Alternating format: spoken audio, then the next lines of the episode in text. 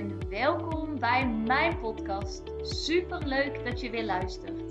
Mijn naam is Bente en ik zie het als mijn missie om mezelf en zoveel mogelijk anderen te helpen naar hun droomleven. In deze podcast heb ik het over hoe je een succesmindset ontwikkelt, wat de wet van aantrekking is, hoe je deze voor je laat werken en hoe jij stappen kunt zetten richting jouw droomleven. Laat jij mij jou inspireren en ga jij mee op reis van persoonlijke ontwikkeling? Let's go Dio!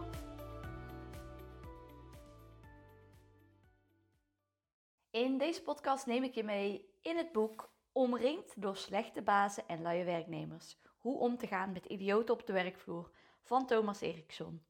Je kunt je misschien wel voorstellen dat ik, toen ik die titel las, meteen geïntrigeerd was en dacht: oké, dit is interessant. Waar gaat dit boek over?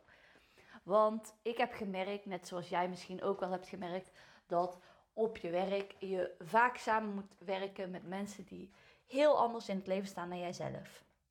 Dat je bazen voor je krijgt die een totaal andere aanpak hebben dan jij. Of dat je moet gaan samenwerken met een collega. En maar niet de gouden middenweg lijkt te vinden. Nou, als je ook maar met één van die dingen, als je daar ook maar enigszins tegenaan loopt, dat je soms denkt van, ik heb dit gezegd, jij interpreteert het als dat, hoe kan dat nou? Dat één ding, wat op een bepaalde manier gecommuniceerd wordt, dat dat voor mij zo totaal anders, um, dat het bij mij totaal anders valt dan bij jou. Nou, dat is waar dit boek heel erg op ingaat. Het boek gaat eigenlijk uit van een vier kleuren model. En dat betekent eigenlijk dat iedere mens is te verdelen in kleuren. En bijna niemand is één kleur. Maar de meeste mensen zijn een combinatie van twee kleuren. En een kleur staat dan voor bepaalde eigenschappen, dingen die je belangrijk vindt. Maar ook daaruit kun je opmaken welke persoon bijvoorbeeld uh, problemen graag uit de weg gaat. Welke persoon juist heel zakelijk is. Welke persoon heel analytisch is. Maar ook hoe je bijvoorbeeld aandacht kan trekken van zo iemand. Of hoe het komt dat de een of de andere personen totaal niet met elkaar kunnen samenwerken. Maar ook dat je eigenlijk in een bedrijf het beste alle kleuren in een bedrijf kunt hebben. Omdat dat is ook wel heel goed. Het boek bestaat eigenlijk uit een soort tweesplitsing. En het eerste, het eerste, of het ene stuk is dus geschreven voor luie werknemers. En het andere is uh, geschreven voor slechte bazen. Om uh, ook je eigen stukje verantwoordelijkheid, denk ik, te kunnen pakken. En sommige mensen lezen het misschien ook half. Ik heb beide gelezen omdat ik het gewoon echt super interessant vind. En uh, ja, ik wil je zo eventjes meenemen. Het is gewoon uit mijn hoofd. Dus misschien vergeet ik niet alles. En als je er meer vragen over hebt, laat het me ook zeker weten. Ik heb inmiddels een mailadres aangemaakt. podcastbentevanharen.hotmail.com Mocht je iets willen weten, een idee hebben voor een podcast, stuur me een mailtje en uh, ik ga er zeker mee aan de slag. Maar goed, waar kom ik dus achter? Nou, dat dus iedereen een andere communicatiestijl heeft. Nou weet je dat ergens wel, maar in het boek staan zulke praktische voorbeelden over hoe eenzelfde situatie bij vier verschillende mensen zo totaal op een andere manier binnenkomt. En hoe bepaalde vergaderingen totaal nutteloos zijn. Hoe mailtjes die worden doorgestuurd totaal niet worden gelezen.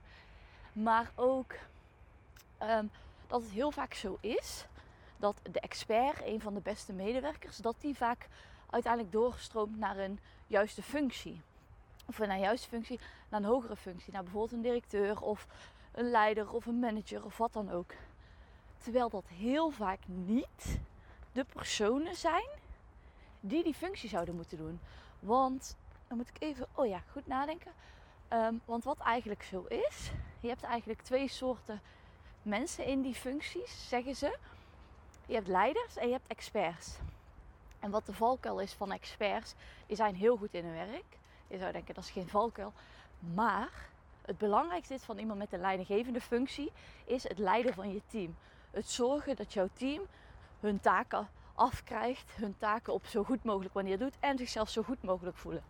En op het moment dat je een expert bent, ga je heel veel werk alsnog naar je toe halen. Waardoor en je personeel dus lui wordt en niet volledig in hun potentieel kan stappen.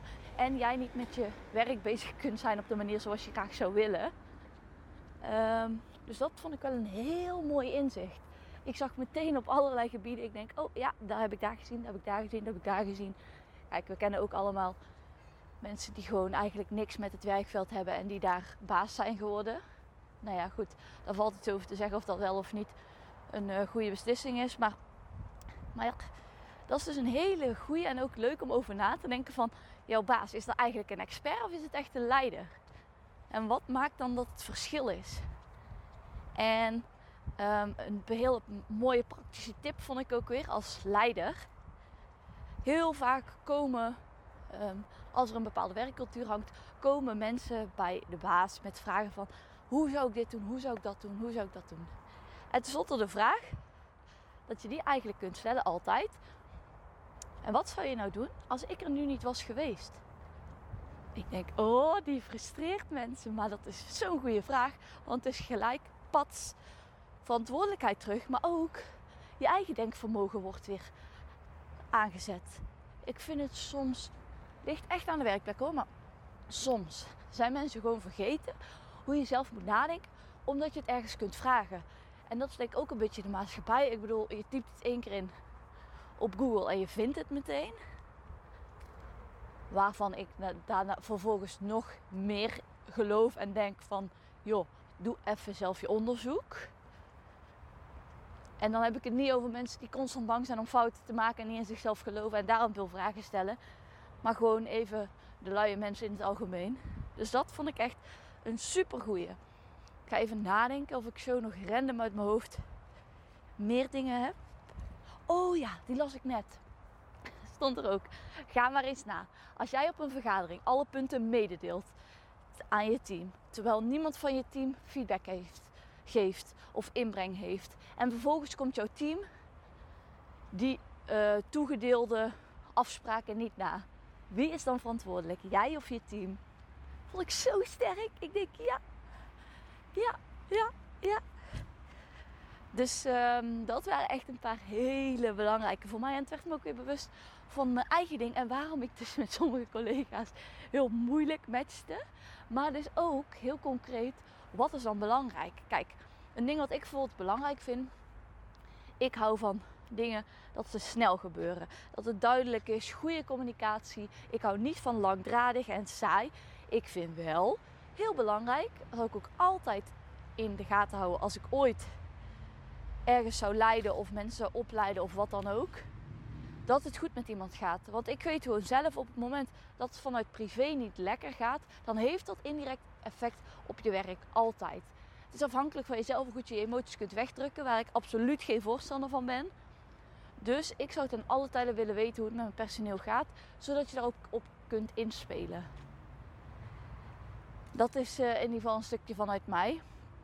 En uh, ik vond het uh, echt een mega aanrader. Dus als je denkt van, oh, ik vind het wel interessant om iets meer te leren of over mezelf of over mijn baas of om de mensen om je heen, dan zou ik het echt aanraden. Het boek was maar 15 euro bij de winkel, dus ik zou zeggen, rennen naar de winkel. ik vond het super leuk dat jullie weer luisterden. Ik ga nog even snel mijn wandelingetje verder afmaken. En ik wens jullie een hele fijne dag.